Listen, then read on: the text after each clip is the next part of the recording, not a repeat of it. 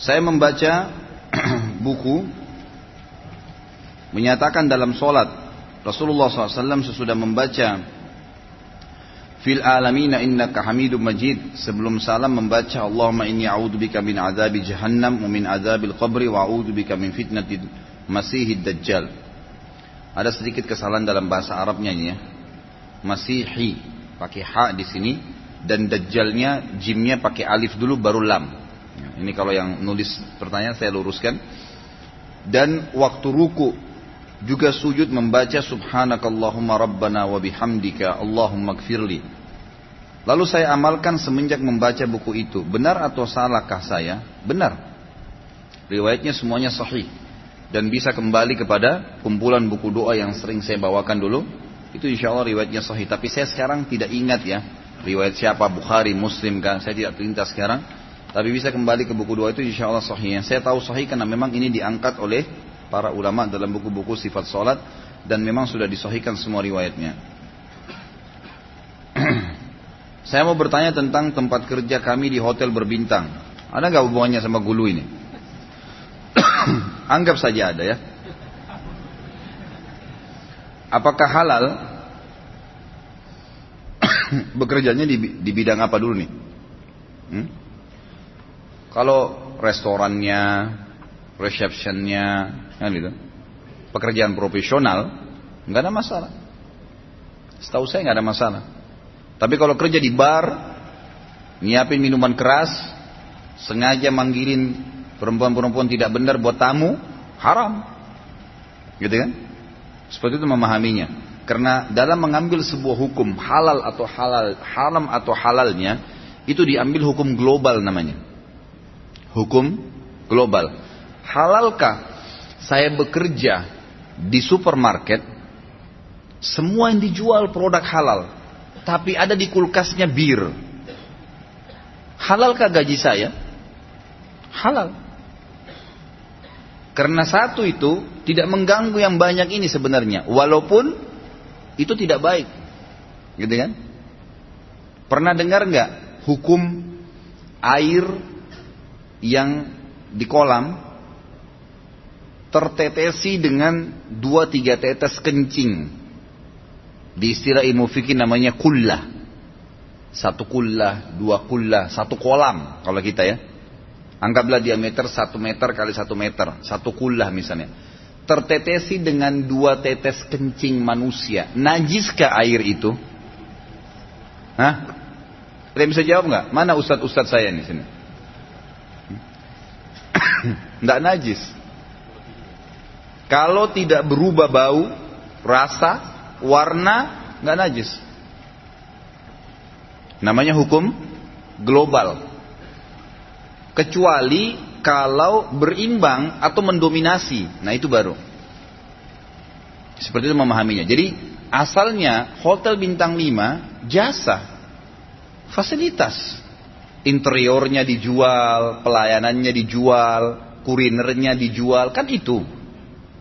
Ada yang menyimpang memang, ada yang menyimpang seperti didatangkan perempuan, tapi biasanya itu secara individu. Kalau resmi peraturan biasanya tidak ada kan? Jadi memang seperti itu. Tentu, tentu jauh lebih baik kalau antum cari kerjaan yang betul-betul murni, lebih baik. Apalagi kalau bisa jadi pedagang itu bagus sekali. Saya selalu motivasi semua teman-teman yang tadinya kerja di lembaga, kemudian mereka memang sudah ada modal, uh, ada ide-ide bisnis, kembangin, lebih baik itu. Tidak terikat jam kerjanya, peraturan kita sendiri yang taruh, tadinya kita bekerja, kita sekarang yang pekerjakan orang lain, banyak manfaatnya. Jikalau pada saat sholat bersamaan dengan waktu kita harus standby oleh atasan, kami biasa sholat tepat waktu, Bolehkah kami tinggalkan atasan kita? Tentu saja, boleh. Pamit, sampaikan baik-baik. Gitu kan? Kecuali dalam satu keadaan kata ulama. Memang yang sedang dijaga itu, gitu kan? kalau sampai tidak dijaga, bisa berbahaya secara umum bagi umat. Misal gini, imam masjid haram, pernah lihat? Kalau dia sholat itu didampingi dua polisi, polisinya nggak ikut sholat. Berdiri standby liatin orang. Gak apa-apa fatwa ulama itu. Karena imam haram ini kalau nggak dijaga dikeroyokin orang. Kadang-kadang mungkin orang niatnya baik, tapi karena sudah terlalu banyak, bisa dicekik, bisa keinjak, bisa mati, bisa macam-macam. Dan kalau dia mati berbahaya ini, kan itu. Atau menjaga pasukan, kan itu, menjaga pasukan. Ini juga termasuk dibolehkan.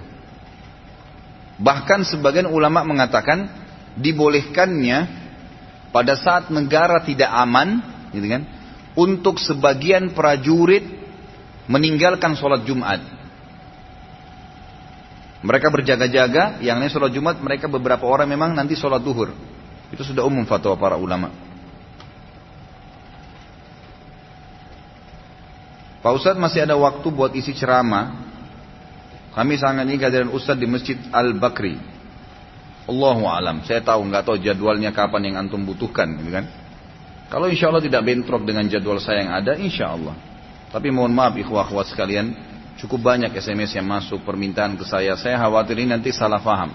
Dianggap nanti Ustaz Khalid ini sombong, nggak mau diundang. Sama sekali nggak ada niat itu. Demi Allah nggak ada. Saya bahkan pernah menolak. Saya diundang di komplek menteri di Menteng untuk ceramah. Gara-gara jadwal rutin saya yang sudah ada setiap hari Senin di salah satu jalan kecil di Jakarta Selatan. Saya tolak itu. Maaf saya nggak bisa. Karena di sini sudah jadwal. Komitmen untuk itu. Jadi yang sudah berjalan ya sudah berjalan. Makanya Alhamdulillah Allah mudahkan dengan izin Allah adanya Pak Diarto dan teman-teman ini yang sudah bergerak untuk bisa mengambil gambar, kemudian mengedit, lalu kemudian mengupload di YouTube. Antum bisa ikutin, Alhamdulillah. Perlu juga saya sampaikan sekaligus, ada banyak jemaah saya dan saya selalu sarankan itu.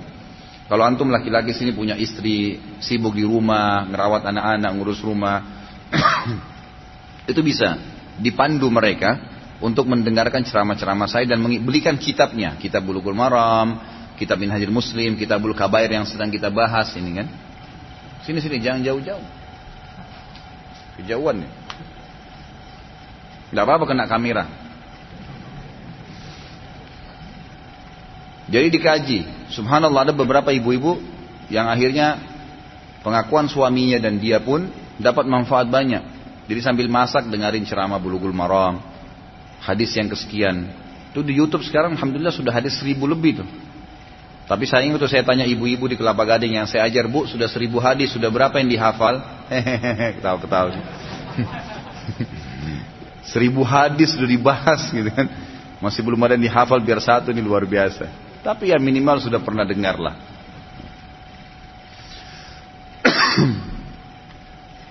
Dalam kisah sahabat-sahabat Rasulullah SAW disebutkan bahwa Talha memberikan nama untuk anak-anaknya dengan nama para nabi.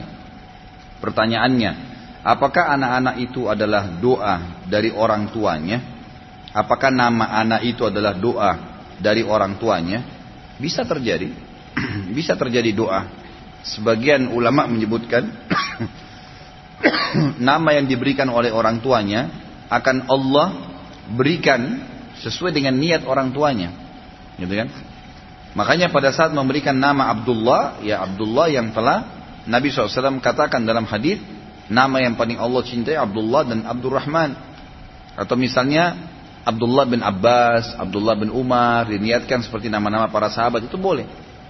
Kan gitu. Jangan seorang artis lalu dikasih namanya anaknya juga artis. Jadi kalau kacau artis itu kacau juga anaknya nanti. Bagaimana jika nama pemberian orang tua kita ubah dikarenakan tidak ada arti secara islami? Boleh saja, nggak ada masalah. Nabi SAW beberapa kali mengganti nama-nama sahabat yang tidak punya makna atau maknanya tidak baik. Apakah Ustadz punya referensi buku nama-nama anak yang baik? Ada. Terbitan pustaka Ibnu Umar yang pernah saya bawa itu. Mungkin kurang lebih 10 ribu atau anggap paling mahal 15 ribu rupiah. Judulnya nama-nama yang baik buat anak gitu. Apa benar hadis yang menceritakan Nabi Musa AS menampar malaikat maut hingga matanya buta? hadis itu dihasankan yang saya tahu oleh sebagian ulama hadis, gitu kan? Dan bukan Nabi Musa AS memukul, gitu kan? Memukul malaikat maut itu dalam kondisi sebagai malaikat bukan. Perlu antum tahu, memang dalam beberapa riwayat disebutkan malaikat maut ini sering mendatangi para nabi-nabi. hampir semua kalau kisah-kisah para nabi itu kita temukan, sering kali mereka dikunjungi oleh beberapa malaikat, di antaranya Jibril, di antaranya malaikat maut, sampai kisah yang masyhur tentang Daud alaihissalam yang pernah didatangi malaikat maut dalam rupa manusia ya. Lalu kemudian Nabi Daud mengetahui pada saat dia sebutkan saya adalah malaikat maut. Lalu kata Daud alaihissalam, kalau kau nanti mau datang, untuk apa kamu datang? Dia bilang untuk mendatangimu, menziaraimu. Kata Daud alaihissalam, kalau nanti tiba saatnya kau datang untuk mencabut ruhku, tolong berikan isyarat terlebih dahulu. Satu waktu malaikat maut ini lama nggak datang kepada Daud alaihissalam, bertahun-tahun. Waktu dia datang pada saat itu, lalu kata Daud alaihissalam, untuk apa kamu datang? Untuk mencabut ruhmu kata malaikat maut.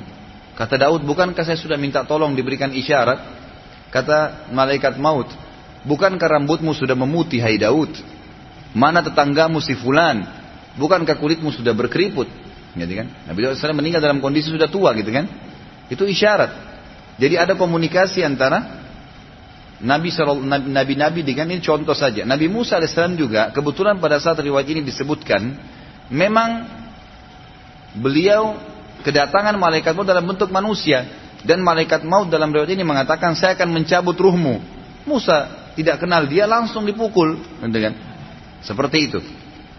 Dari itu memang riwayat ya, dijelaskan dan diterima oleh para ulama. Memang riwayat riwayatnya dihasankan.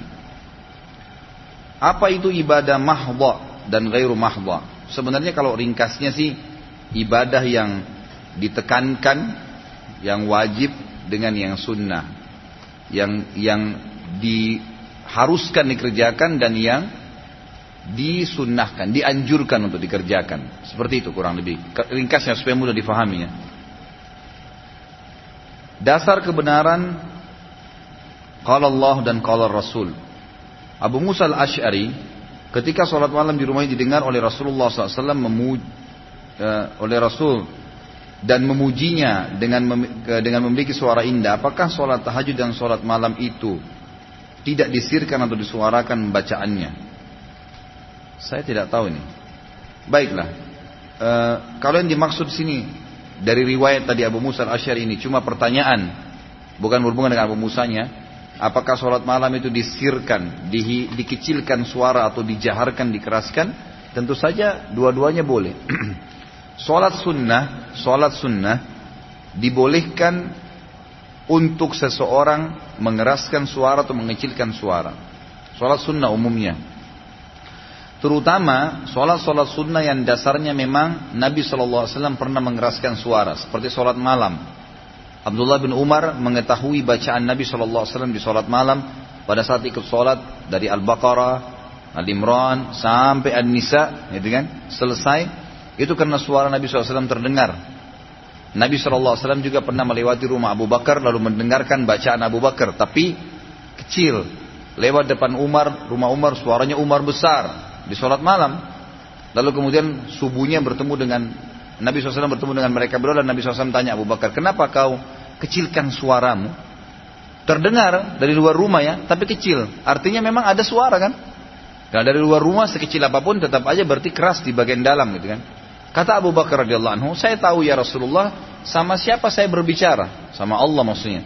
Ada adabnya, gak usah keras-keras. Lalu Nabi SAW tanya Umar, kenapa kau keraskan suara mai Umar? Kata Umar, agar tetangga saya bangun sholat malam. Dia malah mau bangunin orang, gitu kan? Kata Nabi SAW kepada Abu Bakar, wahai Abu Bakar, angkat suaramu sedikit. Wahai Umar, kecilkan, kecilkan suaramu sedikit. Artinya boleh mengeraskan suara. Di sholat-sholat seperti ini ya, malam. Kita tahu ada sholat gerhana. Ya, mengeraskan suara. Kalau sholat-sholat yang tidak diriwayatkan dari Nabi SAW mengeraskan suara. Seperti duha, tahiyat masjid, sunnah rawatib. Maka yang lebih aula untuk seseorang tidak mengeraskan suara. Tapi tidak juga menghilangkan suara. Karena sir Artinya mengecilkan suara, bukan menghilangkan. Sejak diangkat khalifah, apa alasan Ali? Selalu kalau sahabat ini bilang radhiyallahu anhu ya, usahakan selalu diikuti itu sebagai tanda hormat kita. Di sini apakah ala, alasan Ali memindahkan? Apa alasan Ali radhiyallahu anhu memindahkan ibu kota Islam dari Madinah ke Kufa di Irak. Itu pertimbangan secara pribadi dari Ali radhiyallahu anhu. Para ulama mengatakan memberikan tanggapan karena Ali radhiyallahu tidak menjelaskan masalah itu. Beliau hanya menyatakan kalau ibu kotanya pindah ke Kufa, gitu kan? Salah satu atau sebagian ulama tabihin coba ya memberikan gambaran karena pada saat itu ekspansi Islam yang tadinya diharapkan oleh Ali adalah menyempurnakan ekspansi Islam yang dulu oleh Umar bin Khattab disebarkan di negeri Persia. Waktu Uthman bin Affan jadi khalifah, seluruh Afrika sudah masuk Islam, seluruh Afrika. Negeri Syam Libanon, Syria, Palestina, Yordania, di zaman Umar bin Khattab sudah runtuh. Bahkan sudah mulai masuk perbatasan Turki, gitu kan? Nanti di kerajaan Umayyah baru Turki masuk Islam. Kemudian wilayah Persia umumnya itu yang dekat-dekat dengan Jazirah Arab, Irak, Iran sekarang, kemudian sebagian Afghanistan, sebagian juga Rusia sudah masuk Islam. Tapi yang nyambung dengan Rusia ini wilayah Rusia luas. Yang nyambung dengan Rusia, Cina, sampai ke Asia Tenggara nih belum. Ali radhiyallahu anhu berharap pada saat memindahkan ibu kota ke sana, tentu ini bukan Ali yang menyampaikan radhiyallahu tapi para tabi'in yang mengatakan berharap agar ada pasukan yang mengekspansi lebih jauh Islam. Karena di zaman Uthman bin Affan radhiyallahu anhu, sebagaimana kita tahu, ada data beberapa data yang saya temukan dan itu datanya valid kalau Asia Tenggara ini ternyata masuk Islam kebanyakan termasuk Indonesia di zaman Utsman bin Affan. Memang sudah ada utusan-utusan yang datang. Termasuk Myanmar, Myanmar yang sekarang lagi kacau Burma itu ternyata dulu ada kerajaan Islam di situ. Dan itu kurang lebih baru 600 tahun yang lalu runtuh. Makanya orang-orang Buddha itu memerangi kaum muslimin sampai sekarang fatalnya ini karena memang mereka khawatir kalau kerajaan Islam berdiri kembali. Mereka nggak mau terganggu seperti itu. Siapa yang menghidupkan sunnah yang sudah mati maka dia akan mendapatkan pahala yang besar. Lalu bagaimana jika menghidupkan salah satu sunnah yang terasingkan di tengah-tengah kaum muslimin? Sunnah azannya Abu Mahdura. Hay hayya galla salah. Diganti dengan asyhadu an la ilaha illallah. Syahadat lagi. Ketika hujan, hayya ghallas salah. Diganti dengan sallu fi buyutikum. Sallu fi buyutikum. Saya nggak tahu ini, mohon maaf. Saya nggak punya ilmu di sini dan saya tidak tahu. Mungkin saya bisa cari tahu nanti, insya Allah ya. Mayoritas ulama ahli sunnah mengkafirkan syiah, tapi mengapa negara Saudi yang berpahaman sunnah mengizinkan orang syiah umrah dan haji? Mengapa tidak dilarang saja? Karena ternyata kekafiran mereka. Jadi yang dikafirkan oleh ahli sunnah, orang-orang syiah ini adalah para dai-dainya yang memang sudah sampai mengikrarkan bahwasanya Quran kurang dan sahabat kafir. Kalau simpatisan, orang-orang yang tidak mengerti apa-apa masyarakat biasa. Jadi di Iran itu sendiri banyak kayak orang-orang kita ini yang dagang-dagang kaki lima pinggir jalan, hidupnya miskin. Agamanya apa bu? Islam. Apa pak? Islam. Tapi nggak sholat, nggak tahu apa-apa, gitu kan? Bahkan pernah ada beberapa kaum muslimin ditanya di Jawa Timur lagi dagang, gitu kan? Agamanya apa? NU. Dia nggak ngerti. Ya, dia nggak ngerti, subhanallah. Gitu kan?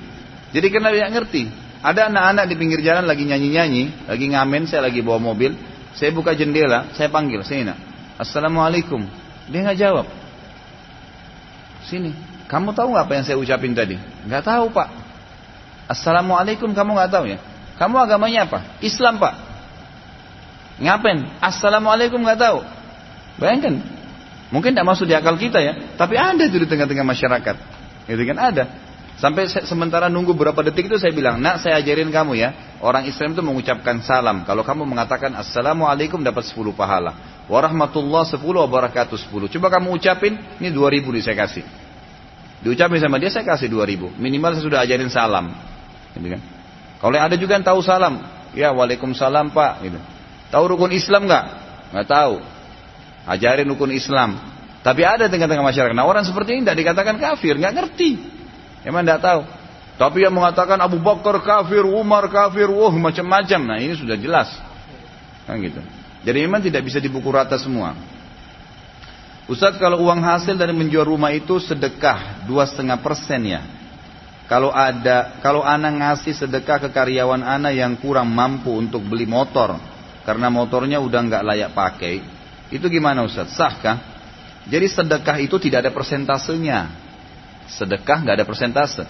Sedekah itu fungsinya untuk ya, meninggikan derajat di surga, memberatkan timbangan amal hari kiamat. Kalau zakat mensucikan harta, gitu kan? Makanya zakat ada persentasenya, dua setengah persen itu zakat yang wajib dikeluarkan bagi orang yang memenuhi dua syarat haul dan nisab. Satu tahun masa uang tabungan dan investasi. Yang dipakai tidak masuk di situ. Kalau sedekah nggak ada persentasenya. Bebas. Makin banyak makin bagus, makin tinggi derajat surga, makin berat timbangan hari kiamat. Berikan motor silahkan, sah saja, tidak ada masalah. Waalaikumsalam warahmatullahi wabarakatuh. Apa perbedaan antara madhab, manhaj, dan firqah? Madhab diambil dari kata-kata zahabah yang berarti tujuan sebenarnya atau tempat yang akan didatangin Zahaba yadhabu, bahasa Arab artinya pergi, menuju, jalan. Zahabtu idal masjid, saya menuju ke masjid, gitu kan? Jadi seperti itu menuju tujuan, itu madhab namanya. Jadi kalau dikatakan madhab adalah tujuan, kalau dalam ilmu agama tujuan yang bisa dipegangi untuk mengambil hukum. Madhab. Kalau manhaj adalah prinsip dalam menjalani sesuatu keinginan atau keputusan. Itu manhaj.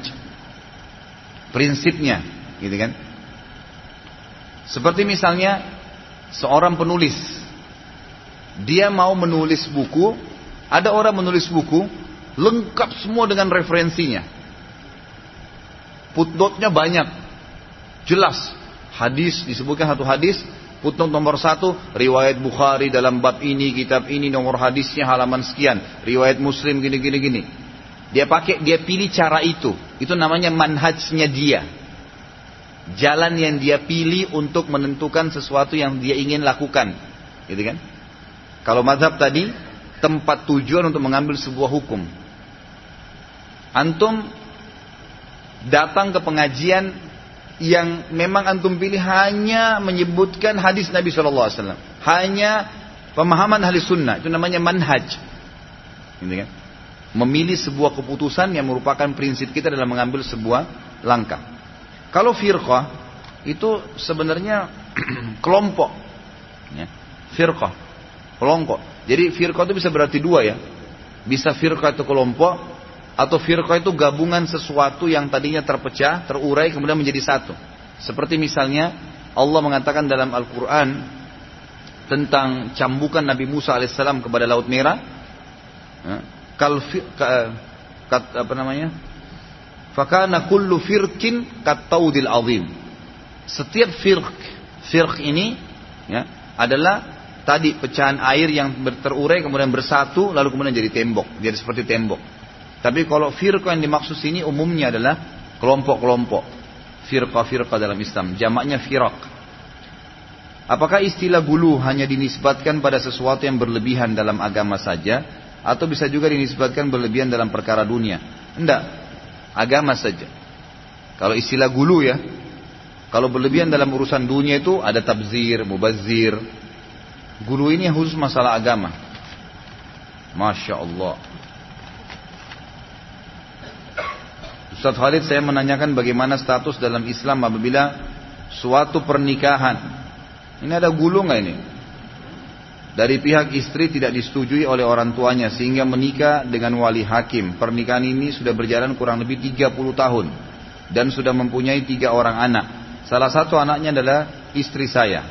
Bagaimana saya harus menyinggapi permasalahan ini? Ini pertanyaan satu ya. Tentu saya ditelusurin kembali ya, telusurin kembali. Tentu sudah berlalu, ya, sudah berlalu ini. Tidak mungkin lagi dibahas ya sudah berlalu, tapi kesalahan yang sudah berlalu menurut ulama dan orang yang sedang melakukannya seperti si anak yang jadi istri anda ini dia tidak tahu mungkin gitu kan? Maka tidak tidak berdosa. Anak yang hasil zina tidak menanggung dosa orang tuanya. Yang menanggung dosa cuma orang tuanya kan gitu? Bolehkah saya menikah dengan anak hasil zina? Boleh saja dia tidak berdosa soalnya yang berdosa orang tuanya ya gitu jadi seperti itu memahaminya sekarang orang tuanya salah Menikah dengan wali hakim. Ini juga ada hukum syar'i sendiri. Dilihat. Alasan orang tuanya, walinya menolak kenapa?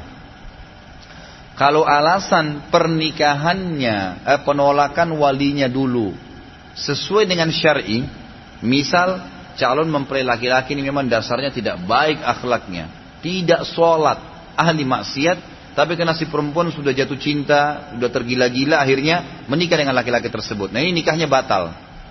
Karena si wali ayah punya udur syar'i. Nggak boleh. Ini maksud dan firman Allah SWT. Ayyam membratin angkahat nafsa begari idni waliyuha fanikahu batil, batil, batil. Wanita mana pun yang menikahkan dirinya tanpa izin walinya nikahnya batal, batal, batal. Titik. Zina berarti.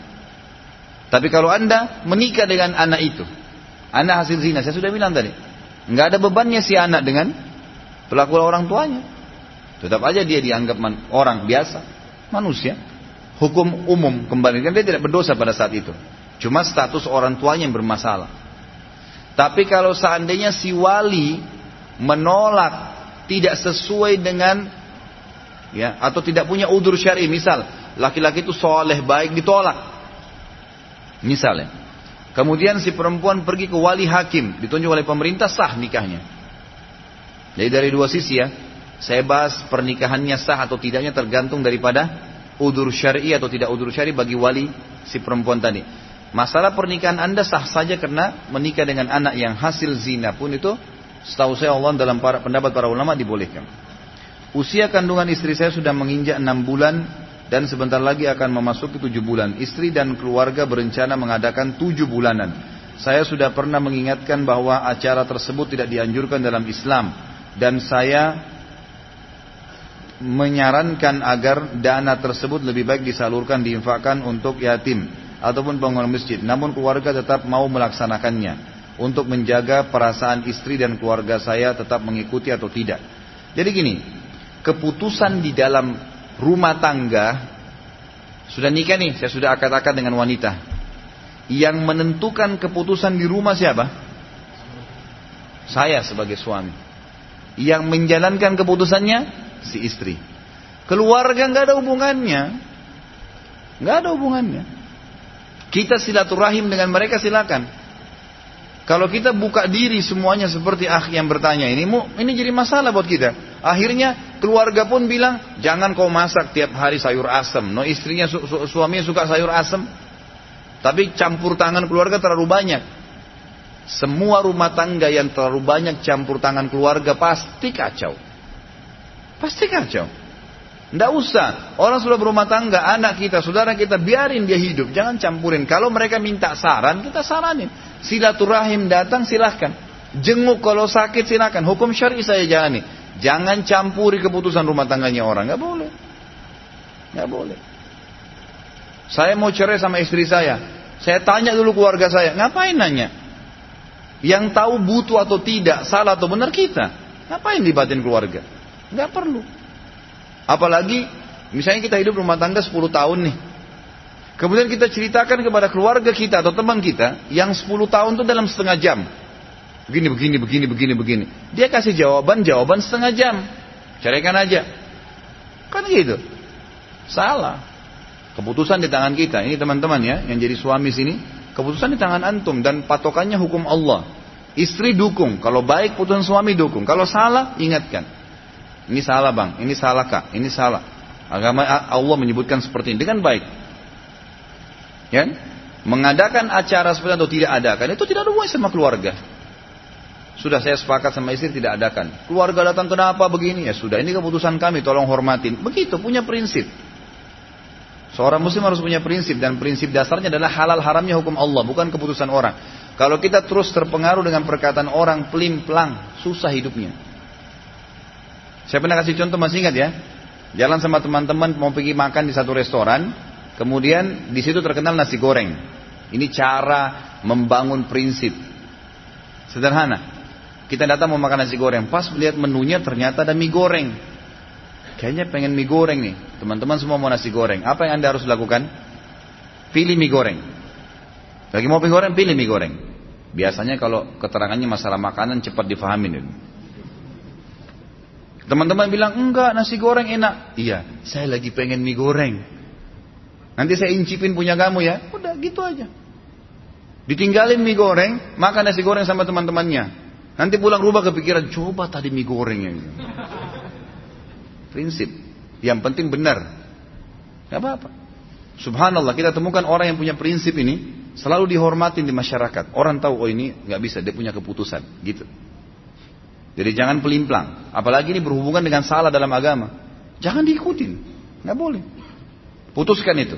Jadi seorang laki-laki penentu keputusan. Ketika orang belanja, apa ini? Sama Ana pakai giro atau cek. Ana terima dan terjadi jual beli. Tapi setelah itu karena sesuatu hal dan mem, e, membutuhkan uang giro cek tersebut, Anda jual dengan potongan tertentu berdasarkan lamanya giro. Cek itu cair. Sebulan 5% dan dua bulan 10%. Bagaimana hukum Anda jual giro cek tersebut? Nggak boleh. Cek dan giro kan itu uang. Sama saja jual uang. Nggak boleh. Kita boleh kalau ini apa ini? Oh saya kira karton. Jadi nggak boleh akhi ya. Nggak usah. Cairkan saja. Butuh sesuatu mungkin bisa buka pintu utang kalau nggak ada duit sama sekali. Tapi kalau dijual dengan tadi persentase nggak boleh. Kalau ada teman kita yang mau bantu nih, mau, ini cair nih akhir bulan saya butuh duit 10 juta, ini uangnya 10 juta nih, cair, ceknya. Udah dia bantu. Pernah kan saya bilang ikhwah, sekarang perhatikan ya. Di dalam Islam hati kita harus dipilah. Ada pengeluaran uang di jalan Allah sifatnya jasa. Tidak boleh bertambah utang dan gadai. Tidak boleh bertambah ini, jangan ditambah ini pahala, harapin pahala. Utangin orang jangan berbunga, gadai jangan jangan membengkak, jangan. Jangan orang gadain rumah, nilai rumah 100 juta kita ambil 20 juta. Begitu jatuh tempo sebulan dia nggak bisa bayar, di, di, sita rumahnya diambil semua 100 juta. Loh, uang utangnya orang cuma pakai cuma 20 juta. Ini nggak boleh.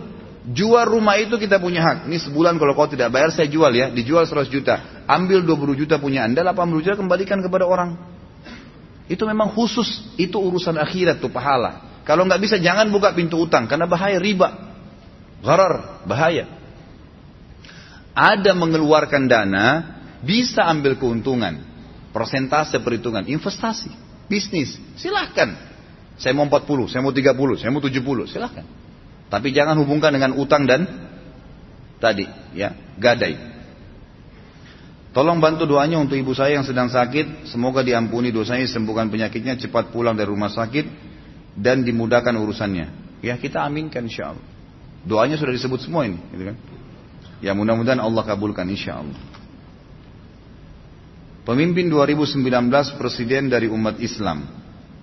Agar dari sekarang ulama sesama ulama bersepakat meminta umat Islam memilih pemimpin Islam karena mengharapkan partai sangat tidak berdaya. Sebenarnya ulama sudah sering, ya, sudah sering mereka mengingatkan umat, sudah sering mereka sepakat, tapi justru karena sudah terlanjur sistem demokrasi, sistem partai-partai ini sudah ada, akhirnya jadi serba salah. Mau ditonjolin, siapa yang mau dukung? Kan itu. Masalahnya begitu.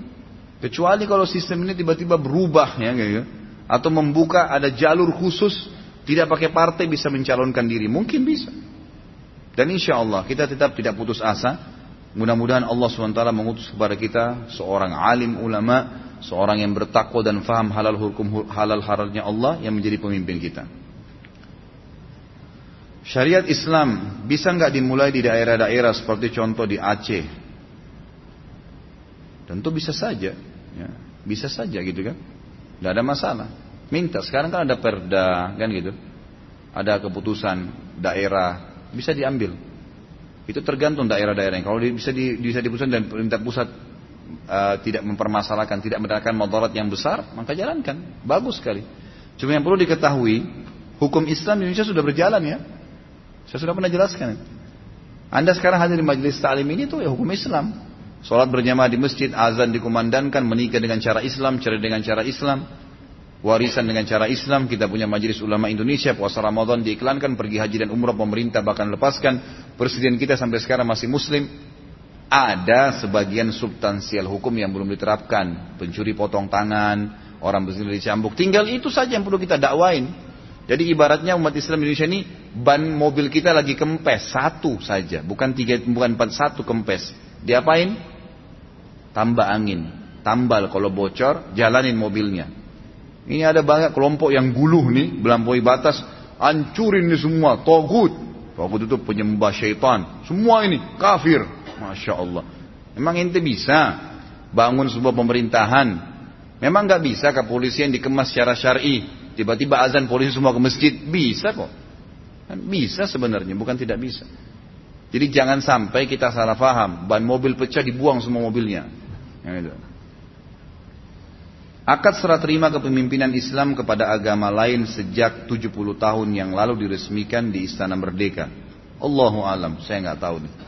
Tapi insya Allah kita tidak putus asa ya. Allah SWT maha melihat dan kita tetap ikhtiar, berusaha.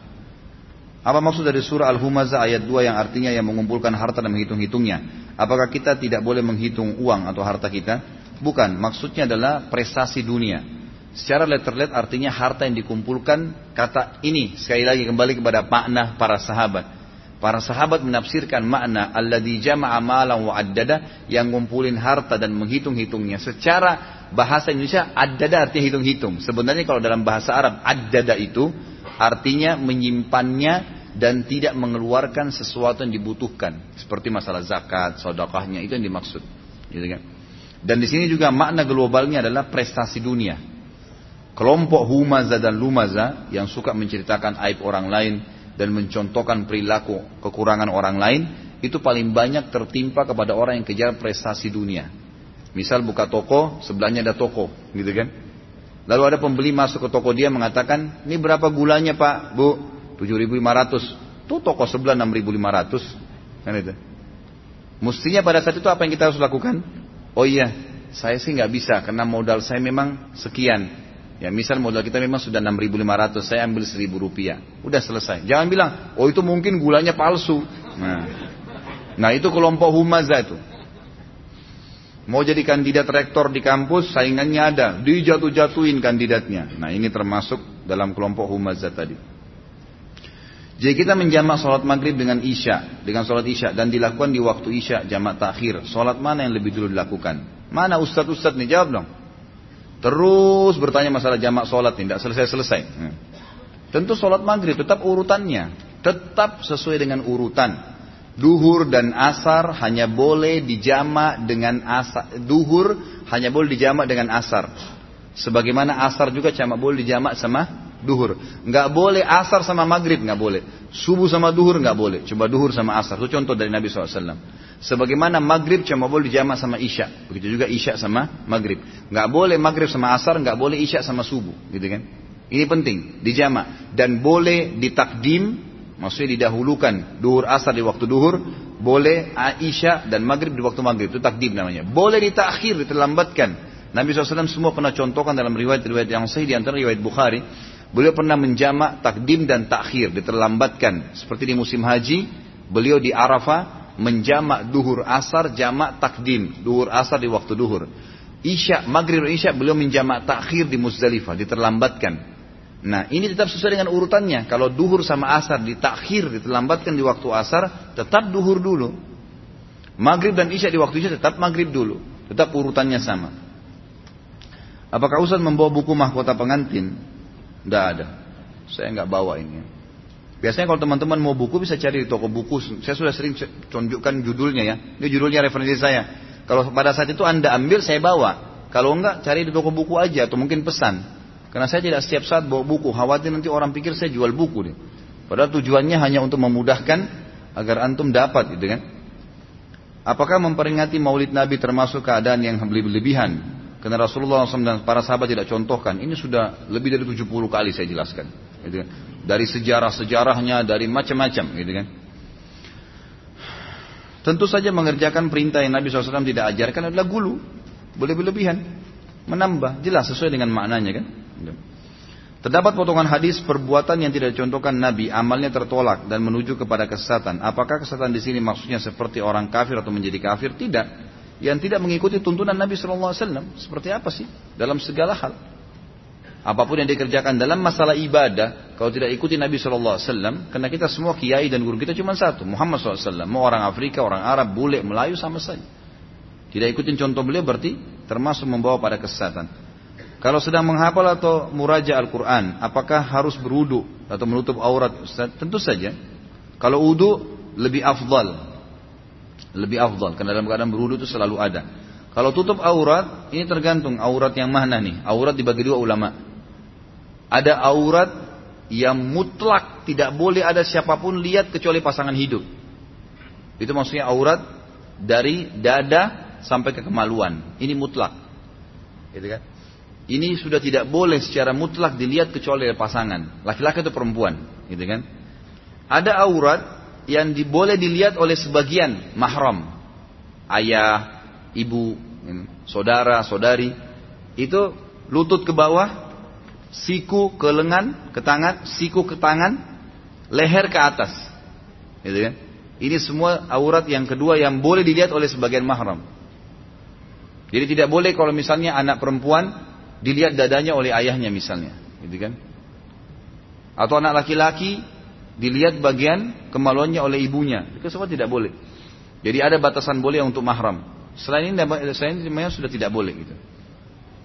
Nah dalam aurat yang tidak boleh dilihat kecuali pasangan, ulama sepakat mengatakan tidak boleh baca Quran nih. Ya, misalnya terbuka telanjang bulat baca Quran, tidak boleh. Nanti sudah dirincikan baru faham ya. Hmm.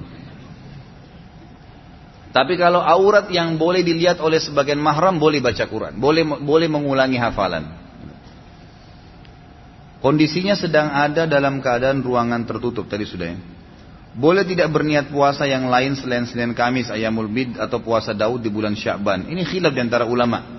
Tapi saya saya pribadi berpegang pada pendapat bulan Sya'ban diperbanyak puasa tapi hanya puasa yang sudah dianjurkan. Senin Kamis ayamul bid ya kan itu. Kalau mau lakukan puasa Daud gitu kan, itu dilakukan. Itu lebih baik. Sekarang ini ada beberapa ayat yang ditafsirkan lain misalnya lakum dinukum waliyadin. Mereka menafsirkan salah uh, salah yaitu lebih kepahaman sekuler. Bagaimana cara kita meluruskan pemahaman ini? Saya sudah bilang tadi kembali kepada pemahaman sahabat Baca tafsirnya sahabat. Sahabat bilang apa tuh lakum dinukum waliyadin. Itu kan ada sebab turunnya ya. Al-Mughirah seorang kafir Quraisy berkata kepada Nabi SAW, wahai Muhammad, kita negosiasi nih. Kata Nabi SAW seperti apa? Mekah kita bagi dua aja. Sehari buat kamu, sehari buat kami. Nabi tanya lagi Sallallahu Alaihi Wasallam, apa maksudmu? Dia bilang, sehari kami ikuti agamamu, kami ucapkan selamat untukmu, ya. semua yang kamu ajarkan kami ikuti. Tapi syaratnya, hari esok kau ikuti ajaran kami, ucapkan selamat buat kami. Pokoknya jadi agama kami. Kata Nabi SAW, nggak bisa, nggak mungkin. Diam sejenak, lalu dia bilang lagi, Hai Muhammad, begini aja kalau gitu. Sehari buat kami, seminggu buat kamu. Nggak bisa, kata Nabi SAW. Muhammad, sehari buat kami, sebulan buat kamu. Nggak bisa, kata Nabi SAW. Baik Muhammad, sehari buat kami, setahun buat kamu. Nggak bisa, kata Nabi SAW. Terakhir Muhammad, sehari buat kami, seumur hidup buat kamu. Kalau mau dipikir-pikir ini kan bisa saja. Nabi SAW sehari ikut mereka sembah berhala, ucapin ucapan-ucapan mereka, wirid-wiridnya, zikir-zikirnya, apa panggilannya, Sebab itu mereka seumur hidup menyembah. Kata Nabi SAW tidak bisa. Jibril langsung turun bawa surah Al-Kafirun. Itu sebab turunnya. Gitu kan? Lakum dinukum waliyadin. Semua orang kafir. Semua orang kafir. Tidak boleh diikuti ajarannya. Jelas. Itu maksudnya. Jangan ditambah lagi. Ini terakhir. Apa benar ada perkataan Umar bin Khattab yang membolehkan minum sambil berdiri? Terima kasih Ustaz. Saya nggak tahu riwayat itu, tapi ada riwayat yang menyebutkan Nabi kita Muhammad SAW pernah minum berdiri. Makanya ulama hadis mengatakan minum berdiri hukumnya makruh, bukan haram. Dalam satu perjalanan, Nabi SAW pernah sebelum naik ke unta beliau, yang saya tahu riwayatnya Allah alam, beliau pegang kendi kemudian beliau minum berdiri dan disaksikan oleh para sahabat. Maka ulama mengeluarkan hukum, kalau seseorang tidak memungkinkan duduk, dibolehkan dia minum berdiri. Darurat. Tapi mana lebih afdal? Duduk. Tidak ada ulama hadis yang mengatakan minum berdiri itu haram, nggak ada, tapi makruh. Allahu alam. Mari kita berdoa kepada Allah SWT, semoga Allah SWT memberkahi majelis kita ini dan mengikhlaskan niat kita serta menjadikan ini adalah tambahan ibadah kita dan amal soleh kita di timbangan nanti hari kiamat dan menjadi penyebab insya Allah saya berharap kepada zat yang maha hidup yang sedang melihat kita sekarang yang kita memberikan puji-pujian kepadanya sebagaimana layak dia dipuji serta memberikan salam kepada Nabi Muhammad sallallahu alaihi wasallam agar menyatukan kita di surga firdausnya tanpa hisab sebagaimana ia menyatukan kita di masjid yang mulia ini. Ya Allah tolonglah saudara-saudara kami di mana pun mereka berada yang sedang terzalimi tertindas. Ikhlaskan niat mereka ya Allah. Kokohkan kaki-kaki mereka ya Allah. Terimalah para syuhada mereka serta hancurkanlah musuh-musuh mereka sebagaimana engkau telah menghancurkan banyak musuh-musuh agamamu ربنا آتنا في الدنيا حسنة وفي الآخرة حسنة وقنا عذاب النار وادخلنا الجنة مع الأبرار. يا أزوا يا أبرار صلى الله نبينا محمد وعلى آله وصحبه وسلم. سبحانك اللهم وبحمدك أشهد أن لا إله إلا الله أستغفر الله وأتوب إليه. والسلام عليكم ورحمة الله وبركاته.